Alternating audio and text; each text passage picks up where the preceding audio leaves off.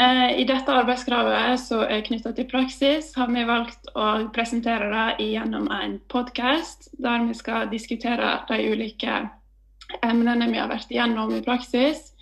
Eh, vi har vært i ulike klasser og har derfor jobba med ulike emner. To av oss har vært i praksis på 9. trinn og to på 8 og på niende trinn eh, så var temaet å lese en bok eh, som heter 'På flukt'. Og eh, på åttende trinn så jobber de med sakprosatekster. Eh, vi skal komme inn på hvordan undervisningen har gått for seg, eh, hva metoder som funker bra, og hva som har funka mindre bra. Så hvis du, Brynjar og Ida, har lyst til å begynne å fortelle om hva de har undervist i? Uh, ja, jeg og Ida vi hadde da en eh, åttende klasse på Rådalslien ungdomsskole. Um, og vi fikk egentlig bare ei uke med sånn normale timer, fordi pga. korona så uh, mista vi jo ei uke. Og så på skolen der jeg og Ida var, så hadde de prosjektveka siste uka vi var der. Så vi hadde bare et eh, fåtall norsktimer, egentlig, da. Eh, men den ene vi hadde, eh, da hadde vi om eh, språk i norrøn tid i, Nor i, Norge. Spesielt da vikingtida. Og så eh, skulle jeg lese I denne timen da så skulle jeg lese eh, litt om denne perioden i bø bøkene sine, og så skulle de gjøre litt eh, oppgaver da eh, til den teksten. Ja, Ida, har du noe å skyte inn? Eh, ja, det var jo en time om eh, samfunn og litteratur i norrøn tid. Så det vi gjorde, var egentlig at de skulle, i stedet for at de bare skulle begynne å lese den teksten her, eh, så testet vi ut noe som, eh, som heter Bison, som er en eh, slags lesestrategi. da.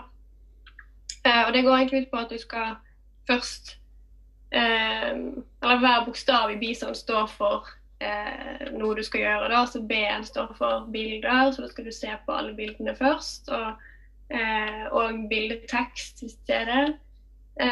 og så igjen, da skal du lese innledningen hvis det er en innledning. Um, og så S er på siste avsnitt. og Der står det ofte kanskje en oppsummering til hva teksten handler om. Uh, O-en er for overskrifter. Uh, og så er det en siste N. Det står for sånn NB-ord. da. Gjerne de som er i understreket eller står i kursiv eller sånne ja, ja. viktige ord. Uh, og da skulle de gjøre det først. Og det var masse bilder, og det var overskrifter, og det var ja, mye å se på, da. Eh, og etter de hadde gjort det, så skulle de skrive ned eh, setningen 'Jeg skal lese denne teksten for å lære om', og så et par ord om hva de tror teksten handler om, da, uten å ha lest eh, hele. Ja, da har de liksom bare brukt den derre eh, Bison-metoden, da, på teksten. Eh, mm. Og så skulle de skrive den setningen for å på en måte oppsummere.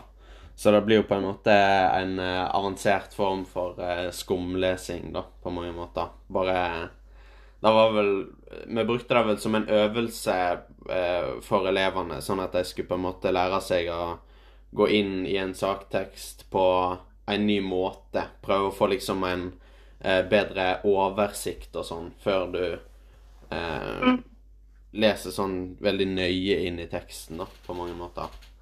Ja, og så tror jeg òg at når de vet de skal lese en saktekst, så kan det være litt sånn demotiverende i seg sjøl. For de tenker gjerne at det, eller forbinder det med kanskje noe sånn litt kjedelig. da.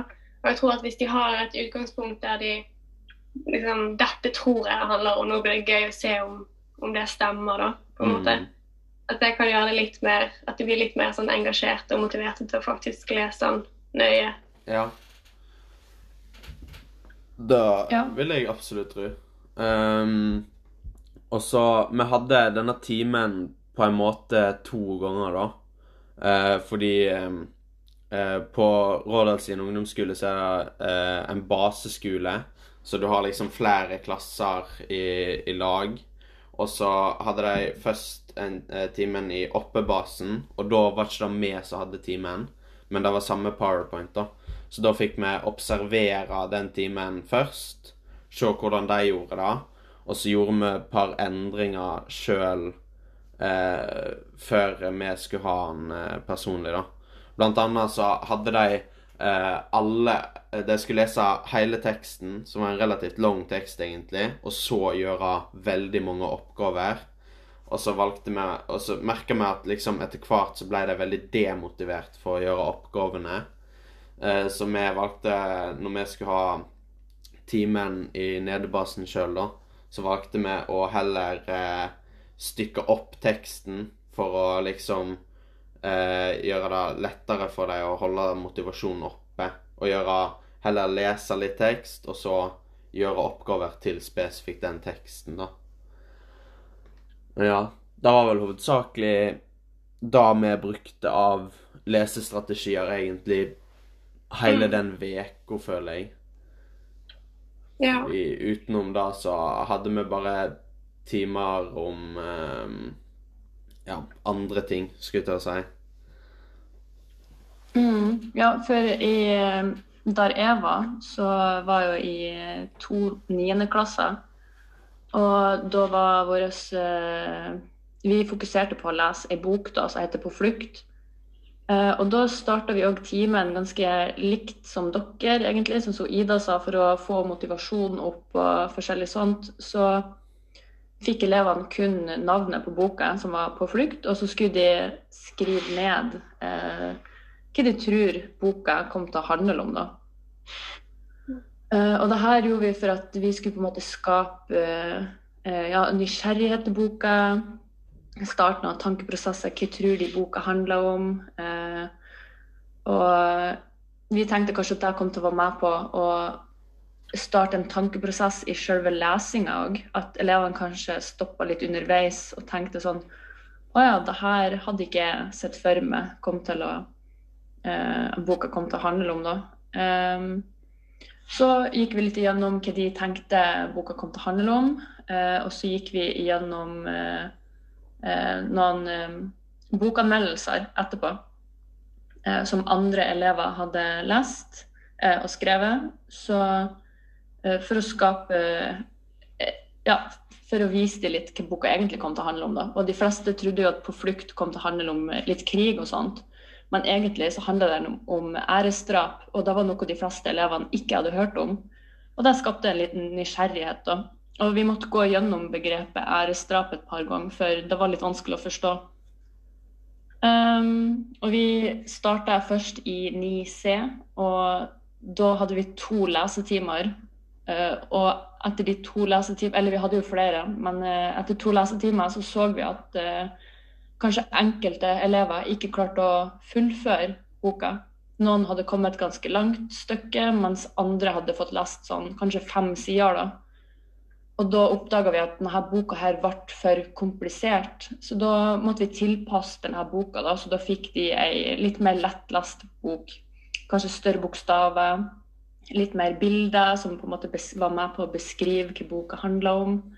Uh, og det her var for å på en måte skape litt mer motivasjon til leselyst for de elevene som hang langt bak, som vi så og kanskje òg visste kom til å slite litt. Uh, så tenkte vi vi måtte gjøre endring for at lesing ikke skal bare bli et slit, da.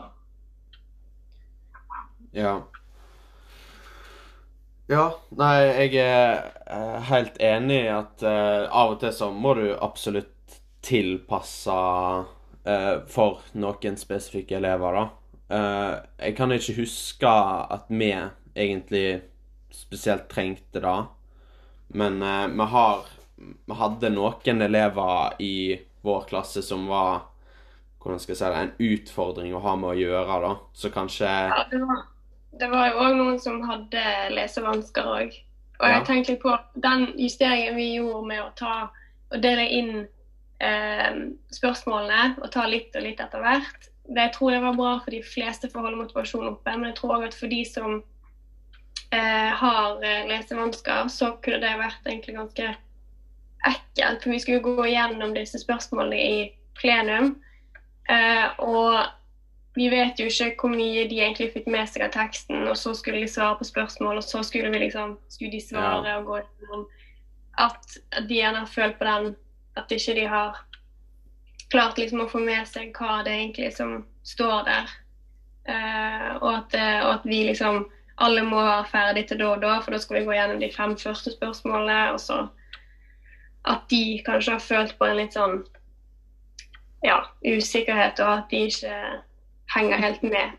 Men eh, nå Jeg skulle gjerne ha snakka lenger med dere, men nå ser jeg at tida den går ut eh, eh, for oss.